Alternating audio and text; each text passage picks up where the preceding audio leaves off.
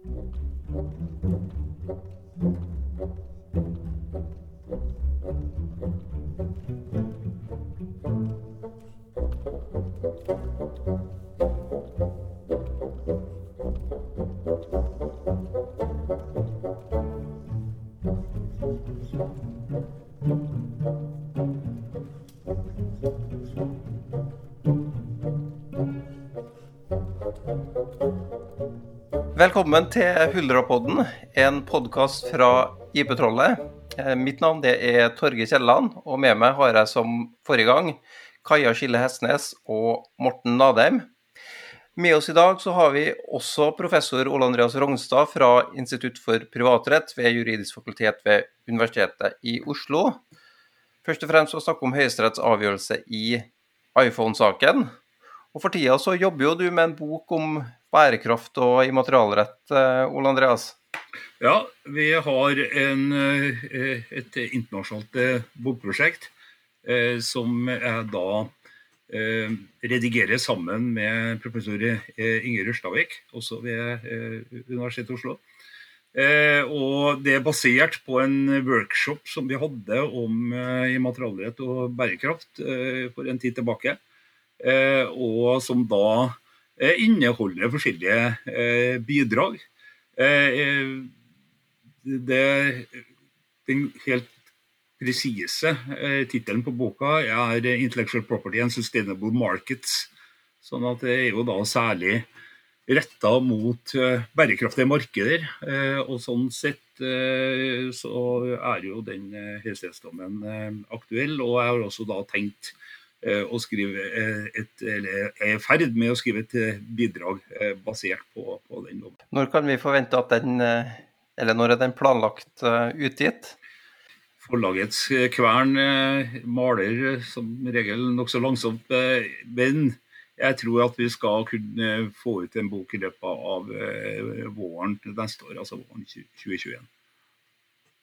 Ja, men det ser vi frem til. Vi har noen nyheter vi skal gjennom, eh, Morten. Ja, eh, tusen takk for det, Torger. Det har vi. Og den nye avgjørelsen eh, denne gangen, det er en dom fra lagmannsretten som kom 17.6, og som omhandler det fargerike temaet bruksplikt. Eh, for at varemerkeregisteret ikke skal flomme over med merker som ikke brukes, men som allikevel sperrer for registrering og bruk av andres merker, må den som har fått registrert sitt varemerke, passe på at bruken av merket ikke avbrytes i en femårsperiode.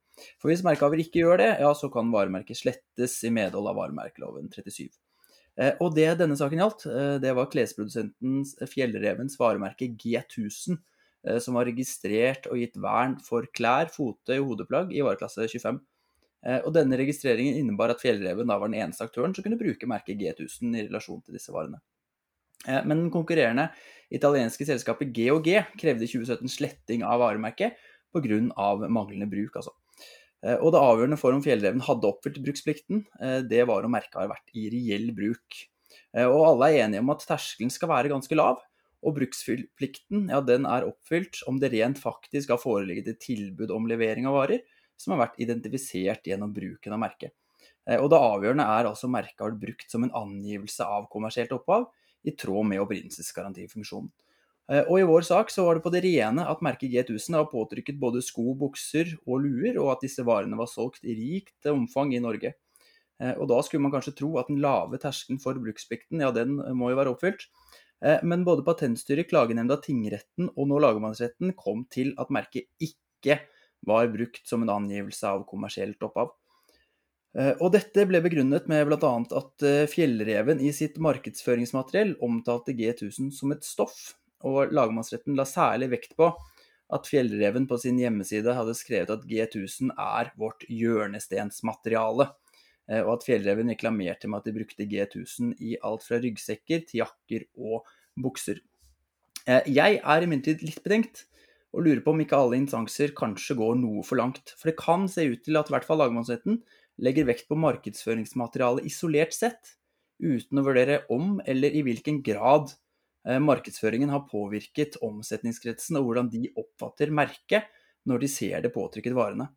Eh, for det avgjørende er jo hvordan omsetningskretsen oppfatter merket, og slik jeg ser det, bør man da ta utgangspunkt i nettopp omsetningskretsen, og hvordan de, de anser merket, hvordan de oppfatter merket i omsetningssituasjonen når de går inn i butikken og ser f.eks. en bukse eller en lue merket med G1000. Og I denne vurderingen så bør det ikke alene være tilstrekkelig at merket også er brukt som en betegnelse på et stoff andre steder. Eh, og Det sentrale med markedsføringsmaterialet må eh, være om bruken her altså påvirket omsetningskretsen oppfatning av merket på en slik måte at nå, når de ser merket på varen, ikke lenger anser eh, merket som et varemerke. Og Dette perspektivet syns jeg ikke lagmannsretten behandler særlig tilfredsstillende eller overbevisende. Så jeg tror nærmere jeg skal gå lagmannsretten nærmere etter i sømmene, eller i tekstilen om du vil, og skrive et blogginnlegg om saken. Eh, men før jeg gjør det, Torger, så vil jeg gjerne høre om du har noen nyheter fra kontinentet. Ja, EU-domstolen de avsa nylig dom i sak C833-18, den såkalte Brompton Bicycle. Brompton er jo, som eh, i hvert fall syklister bør være kjent med, en produsent av sammenleggbare sykler. Og denne sammenleggbaringsfunksjonen den var opprinnelig patentert, men det patentet har utløpt. Og da begynte en annen produsent, Get2Get, begynte å produsere lignende sammenleggbare sykler. Og Brompton gikk da til sak eh, mot Get to Get for opphavsrettsinngrep, og saken havna til slutt i EU-domstolen. Og Spørsmålet her knytta seg til betydningen av eh, denne funksjonaliteten i spørsmålet om formen på sykkelen hadde opphavsrettsbeskyttelse. EU-domstolen la her til grunn at opphavsrettsbeskyttelse ikke var utelukka for delvis funksjonelt betinga produkter, men forutsetninga var at disse var originale. Og den omstendighet at man må ta funksjonalitet i betraktning ved utforminga, vil da begrense frembringers mulighet til å ta kreative valg. og Dette gjør at det skal mer til for å oppnå opphavsrettsbeskyttelse for funksjonelt betinga frembringelser enn for andre frembringelser. Og Med dette så følger EU-domstolen opp eh, det de har sagt om funksjonalitet i tidligere avgjørelser, senest i Koffermel-avgjørelsen. om du vil si noe om den, eh, om Brompton-saken, eh, Ole Andreas? Nei, altså, Jeg synes vel at den, som, som du sier, da, eh, følger opp den linja som de allerede har lagt. Eh, en ting er i KFML-saken som også gjaldt eh, brukskunst og funksjonalitet.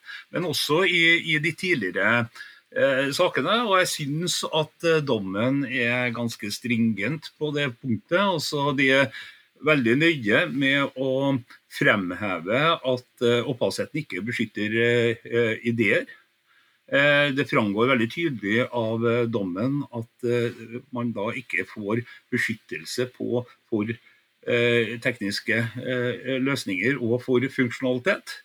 De har til og med en uttalelse som Eh, går i retning av eh, det man i amerikansk rett har kalt for merger-doktrinen. Altså at i den utstrekning at form og funksjon eh, sammenfaller eller smelter sammen, så er det ikke beskyttelse.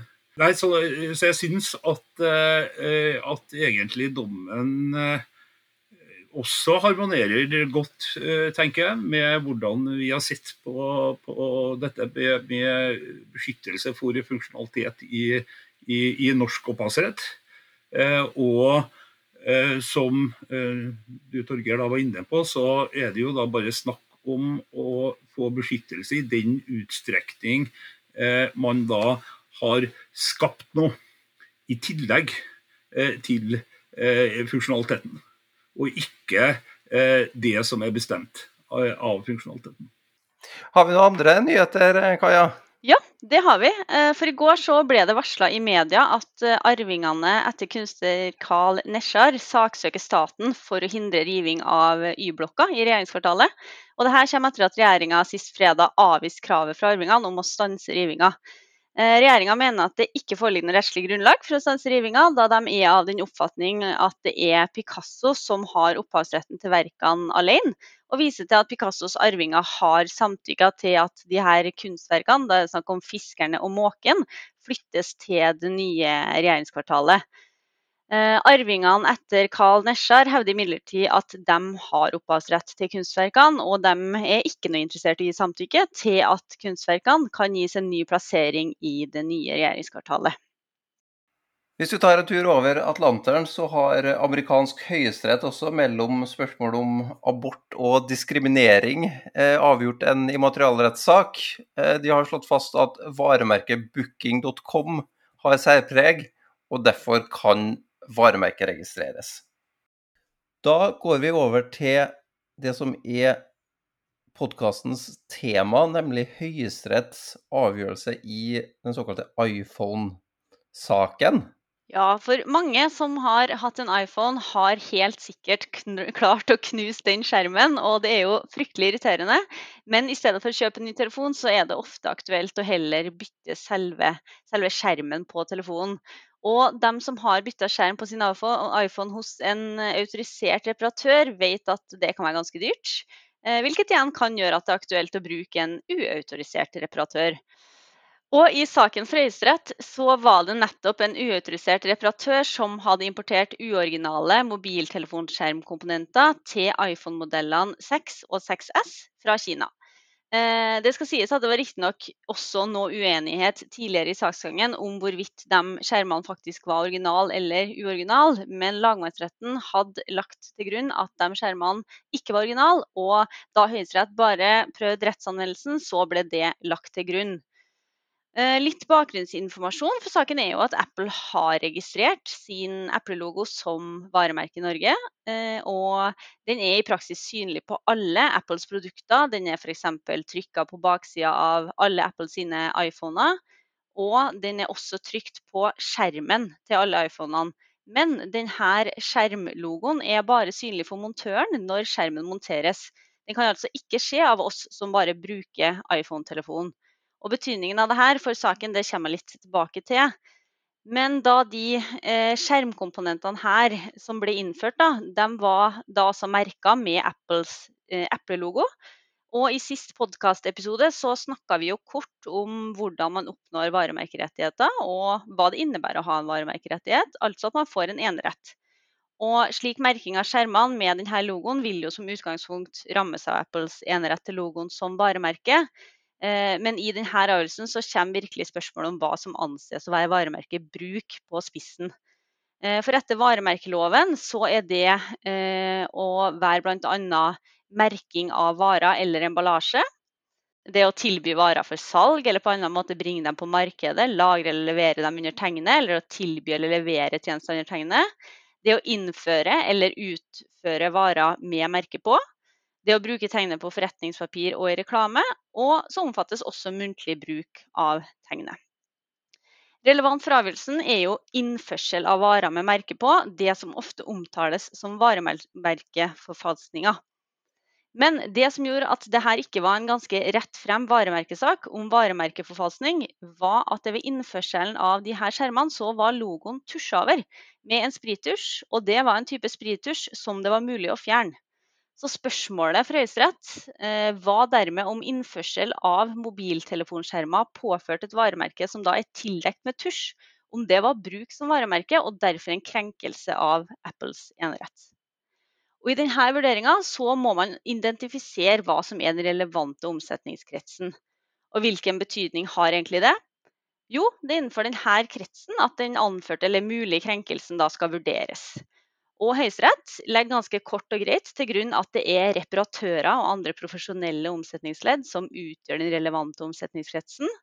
Og det her henger sammen med det jeg sa innledningsvis om at logoen på skjermen kun er synlig for reparatører, altså ikke for oss som bruker iPhone.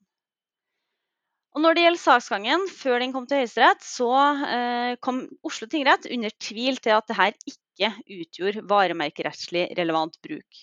Og reparatøren ble dermed frifunnet. Borgarting lagmannsrett kom derimot til at det forelå varemerkeinngrep. Og pga. korona så behandla Høyesterett saken skriftlig, og de kom i den dommen som vi nå skal diskutere. Den ble avsagt 2.6. De kom enstemmig til at det forelå varemerkeinngrep. Så selv om epletusjen var tusja over, så legger altså Høyesterett til grunn at innførsel av skjermene innebar et varemerkeinngrep. Og det er jo litt det her vi skal diskutere. Hva er egentlig betydningen av at Apple-logoen er tusja over? Er det egentlig gitt at det egentlig innebærer et varemerkeinngrep når merket er tildekt på denne måten. Hva tenker du om det, Ole Andreas? Eh, altså, skal man Leser man høyesterettsdommen, så kan man få eh, et visst inntrykk av det. Eh, at eh, tildekkinga i seg sjøl eh, innebærer at det er et inngrep. Eh, I avsnitt 36 i den dommen så sier Eh, Høyesterett bl.a. at eh, eh, med henvisning til den såkalte Mitsubishi-saken, hvor man da helt hadde fjerna varemerket, at overstrykinga i seg sjøl tar ikke bort faren for at varemerkets funksjoner blir skadde. Og sier også det at det i utgangspunktet ikke kan være et svakere varemerkevern i et slikt tilfelle enn i de tilfellene hvor det originale varemerket er fjerna permanent. Eh, og en sånn uttalelse går ganske langt eh, i retning av eh, at det å da fjerne eller det å stryke ut varemerket, at det da anses som et inngrep i seg sjøl. Og det tenker jeg det kan være rom for å, å, å, å diskutere. Nei, for Utgangspunktet for, eh, for eh, disse utdannelsene er jo en avgjørelse fra EU-domstolen, den såkalte eh, Mitsubishi-saken. Den dreide seg om fjerning av Mitsubishis varemerke på gaffeltrucker mens de vel lå, i, lå på et tollager. EU-domstolen la her til grunn at denne fjerninga av varemerker innebar et varemerkeinngrep overfor Mitsubishi. Det ble samtidig lagt vekt på at den aktuelle omsetningskretsen fortsatt kunne kjenne igjen de her trykkene som trykker fra Mitsubishi. Selv om dette ikke var avgjørende, så ble det påpekt at denne gjenkjennelsen vil kunne styrke muligheten for at, for at varemerket, eller varemerkets funksjoner, ble eh, skadelidende. Litt av problemet med denne Mitsubishi-avgjørelsen er at hvis man, man uh, tolker disse uttalelsene om fjerning av varemerket eller unnlatt bruk av varemerket for vidt, så risikerer man at varemerkevernet blir veldig omfattende. Vi diskuterte jo en sak uh, forrige uke knytta til fotballspillet Football Manager, hvor en av Manchester Uniteds anførsler i saken er at eh, man i dette fotballspillet bruker navnet på klubben Manchester United eh, i, eh, sammen med eh, en erstatningslogo i stedet for da eh, den egentlige logoen til klubben. Og anførselen her er at dette, denne erstatninga i seg selv utgjør eh, varemerkebruk.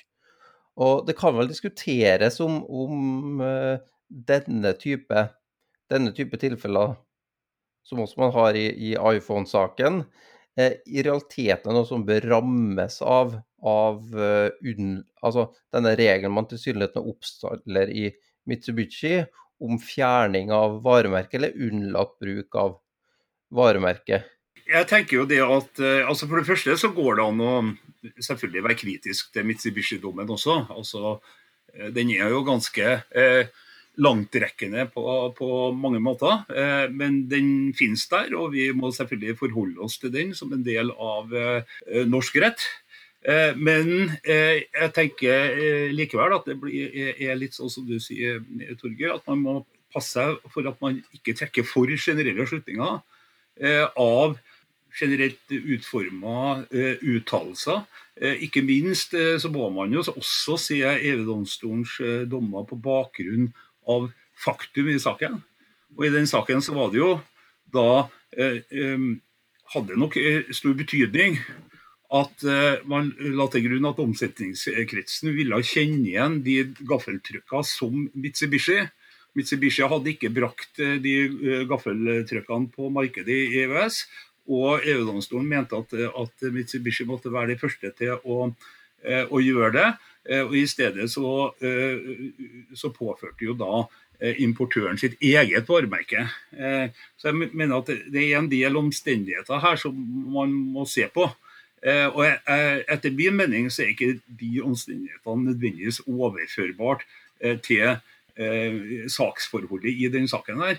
Det synes jeg er litt av problemet med Høyesteretts dom også, at den trekker veldig generelle, vidtgående slutninger istedenfor å gå rett på og stille spørsmål eh, helt konkret. Altså, eh, er det her konkret eh, fare eh, for eh, skade på eh, varemerkets vesentlige funksjoner? For, for, høyest, for, argumentasjonen til Høyesterett er, altså er jo, i, i praksis eh, båret av et fra det mer til det mindre argument. Altså når fjerning av varemerket i Mitsubishi er varemerkeinngrep, så må i hvert fall overtusjing av varemerket, sånn som det var i iPhone-saken, være varemerkeinngrep.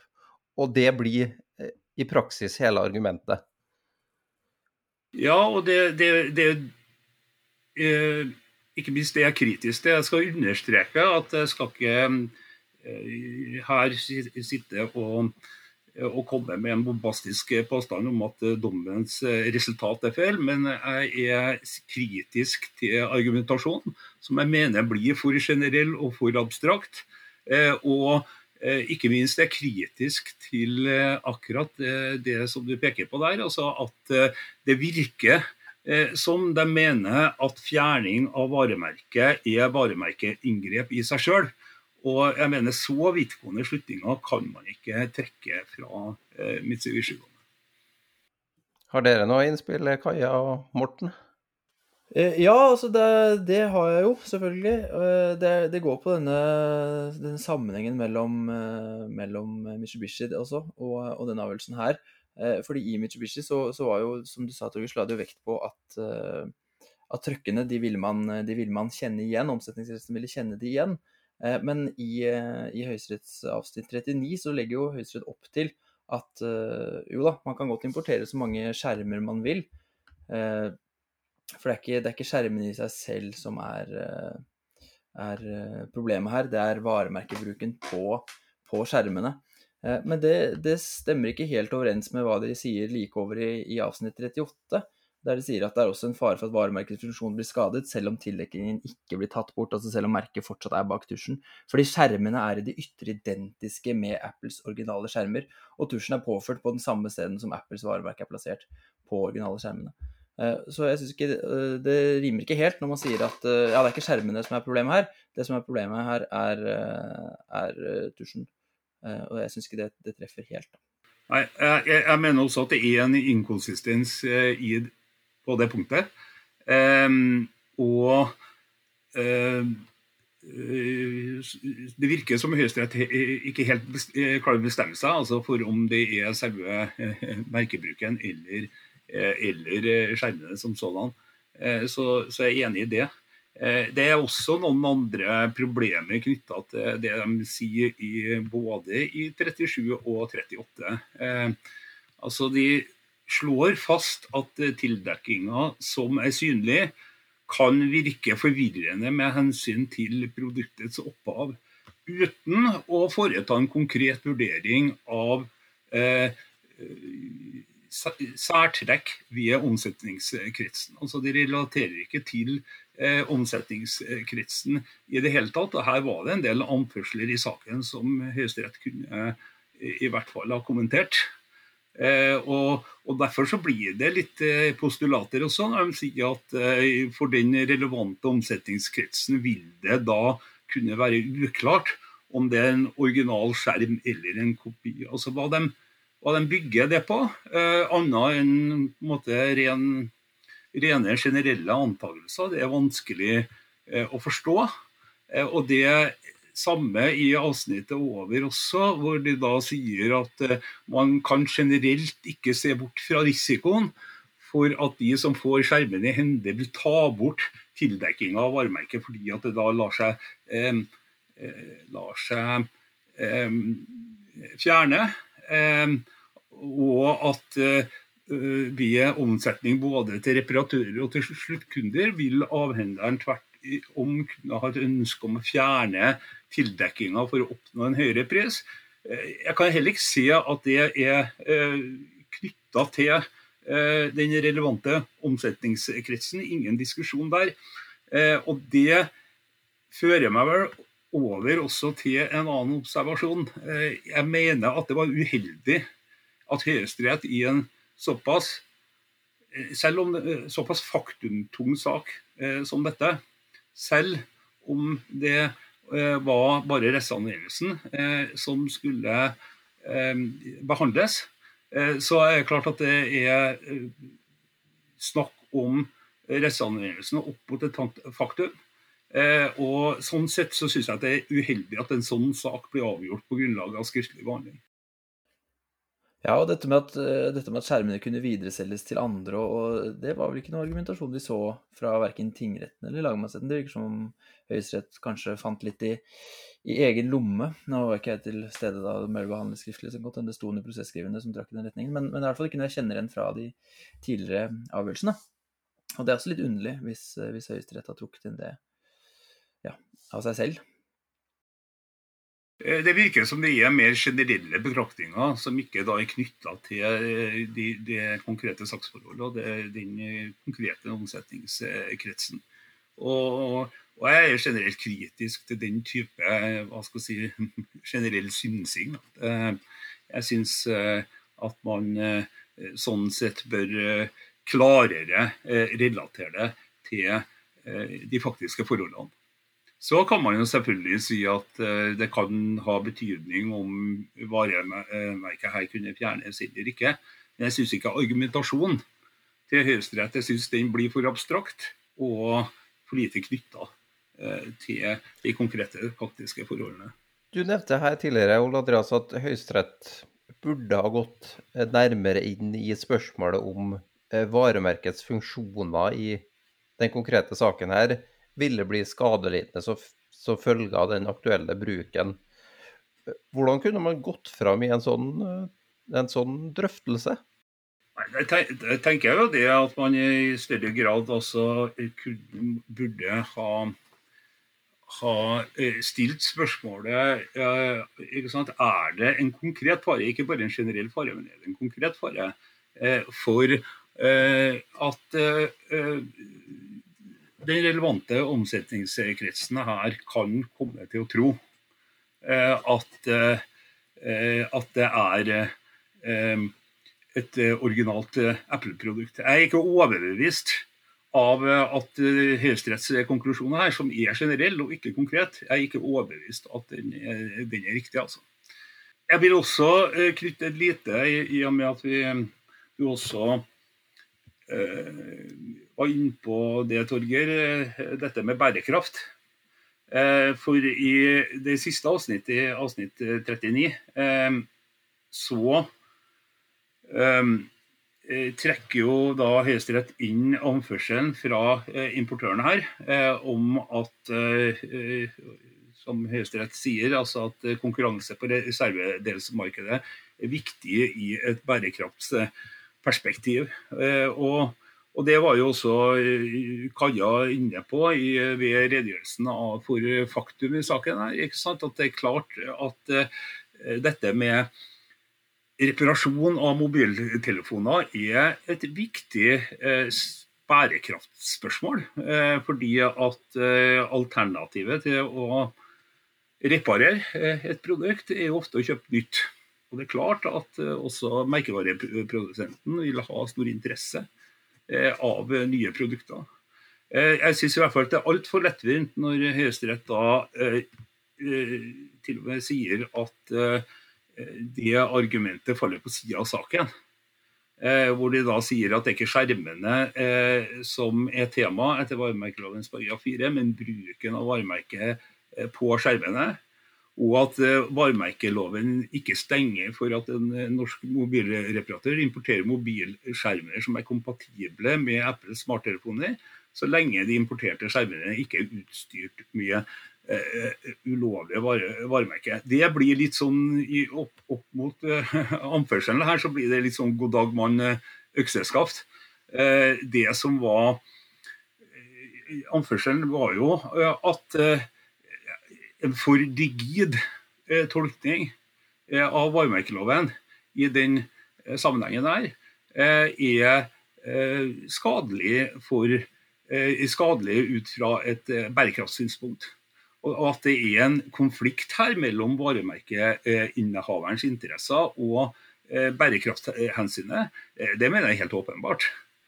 Så det burde man, det burde man ha akseptert, er en eh, helt eh, legitim eh, interessekonflikt. Og så er det klart at man da kan løse den interessekonflikten til fordel for varemerkeinnehaveren i det konkrete tilfellet, fordi at man mener da at hensynet til varemerkeinnehaveren veier tyngre. Men da er det det man må gjøre, og ikke bare avfeie og si at bærekraftshensynet her ligger på sida av saken. For det, det, gjør det, det, det, gjør det ikke. altså. Og det knytter jo også litt an til egentlig hovedspørsmålet om skade på varemerkets funksjoner. For på, på, et litt mer generelt plan så kan man jo stille spørsmål om den, den, så den måten Apple og ganske mange produsenter eh, gjør det på, ved at man merker ganske små deler i produktene sine med egne varemerker. Og derigjennom oppnår en form for absolutt kontroll på eh, reservedelsmarkedet. Og knytta til diskusjonen om, om, skade på varemerkets funksjon, så kan man jo stille spørsmål om, om, eh, om det, er en, det, er en, akseptabel bruk av, eh, av varemerket i, i all, alle situasjoner, og om man i alle situasjoner bør kunne sanksjonere den type, den type bruk av varemerke på reservedeler som et varemerkeinngrep. Ja, eh, Det er klart at det, her, her, finnes det helt klart eh, argumenter på, på, på, begge sider. Og som jeg sa i sted, altså jeg skal ikke sånn sett her stå og, og være veldig bombastisk når det gjelder konklusjon, men det jeg syns er, litt skuffende, da, så jeg kan si det på den måten, det er det at den saken her reiser en del interessante spørsmål. Som jeg syns at Høyesterett går altfor lettvint eh, både på og rundt. Og eh, det syns jeg er synd. Jeg, forstår egentlig ikke helt eh, at de da slipper inn saken. Når de da kommer med en såpass lite problematiserende dom. Eh, som det her. Altså, da kunne jo like gjerne lagmannsrettsdommen ha stått. Altså, jeg syns ikke høyesterettsdommen tilfører eh, noe særlig. Det syns jeg er en synd i en sak som faktisk reiser en del interessante prinsipielle spørsmål. Ja, Det er egentlig interessant. Hvorfor slapp de inn saken, hvis de skal gjøre det, gjøre det så kort? Det snakket vi litt om, Torger. Ja, jeg må jo si at jeg hadde trodd, når de først slapp den inn, at de om ikke kom til et annet, eh, et annet resultat Vi spekulerte vel litt om at de kom til å faktisk ta, trekke grunnlovskortet og, og ta det på, på, på, miljøhensyn, men når de egentlig bare gjentar lagmannsrettens argumentasjon i, i, i kort form, så kan man jo stille spørsmål om hvorfor den ble, hvorfor den ble tatt inn. Nei, det jeg tenker på en måte, De viser jo veldig mye til Ensilox og Mitsubishi-saken. Eh, det er på en måte det de støtter seg på hele veien. og Det henger jo litt eh, sammen med det du sier, Roland Andreas, at man kan jo stille spørsmål hvorfor den i det hele tatt slapp inn, egentlig.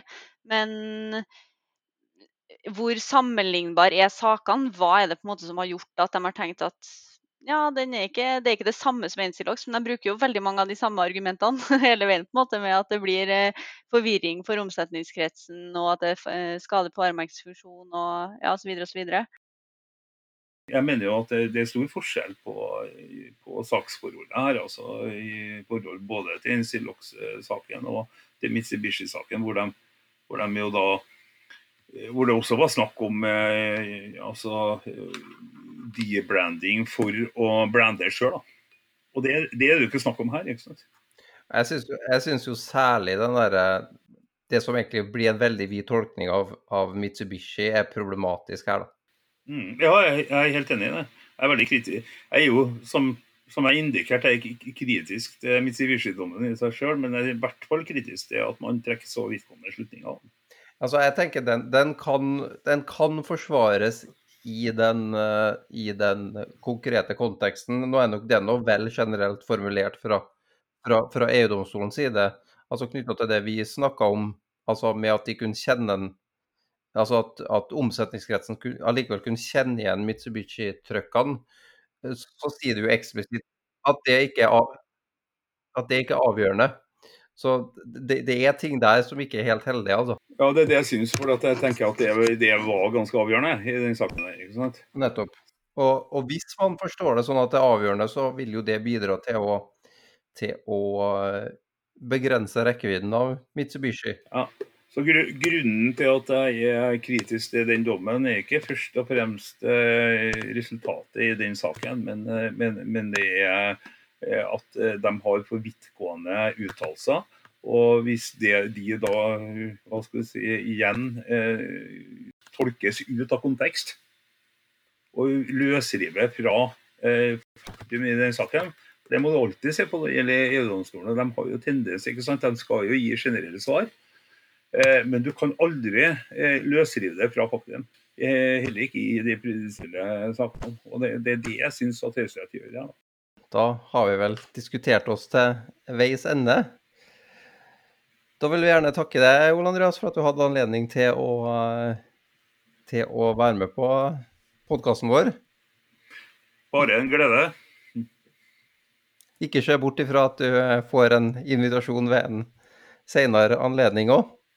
Det vil jeg gjerne.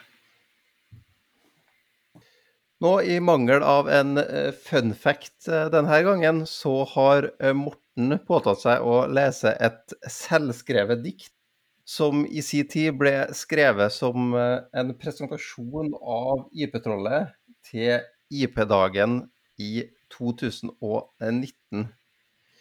Ordet er ditt, Morten. Tusen hjertelig takk for det. Vinteren 2014, en inspirert Torgeir Kielland på sitt kontor i Bergen satt. Han undret hvorfor har vi ikke i Norge en blogg tilsvarende IP-katt. Han ringte sin venn advokat Vincent Sang, og sammen så satte de i gang. Fylt med pågangsmot og initiativ opprettet de Norges første immaterialrettslig bloggerkollektiv. Iptrollet.no er bloggens navn, og den kan forhåpentligvis fylle et savn. Målet har fra starten vært klart å spre informasjon og skape debatt om immaterialrettigheter og tilliggende herligheters egenart. At bloggen er en suksess, må ingen forundre, de fleste innlegg blir lest av om lag 400. Eh, Vi er en jussblogg som skrives av immaterialrettsentusiaster, og at vi gjennom blogging får utløp for våre laster. Vi er derved ikke en bransjeblogg som lobbyerer til vanlig. Vår interesse for immaterialretten, ja, den er rent faktisk faglig. Eh, Noen gleder seg over immaterialrettens forbedrede status som dekningsobjekt og formuesgode. Andre mener at formålet bak enerettigheter gjennom dette er snudd helt på hodet. Noen frykter for en EU-rettslig invasjon. Dersom avgjørelse derfor er dårlig fundert, bør man ikke glemme at Norge også immaterialrettslig er en egen nasjon.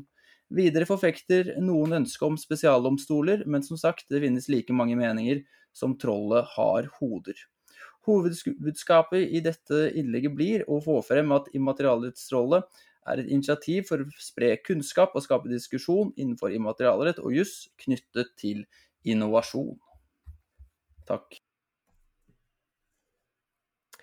Du har nå hørt på Huldrapodden, en podkast fra Immaterialrettstrollet. En blogg som er tilgjengelig på iptrollet.no. Hvis du liker det du har hørt, abonner på oss på Apple Podcasts eller Podbean, og gi oss gjerne en anmeldelse med fem stjerner. Vi mottar gjerne tips om tema vi kan ta opp i podkasten, og du når oss ved å sende oss en melding på Facebook, eller ved å sende en e-post til iptrollet at gmail.com.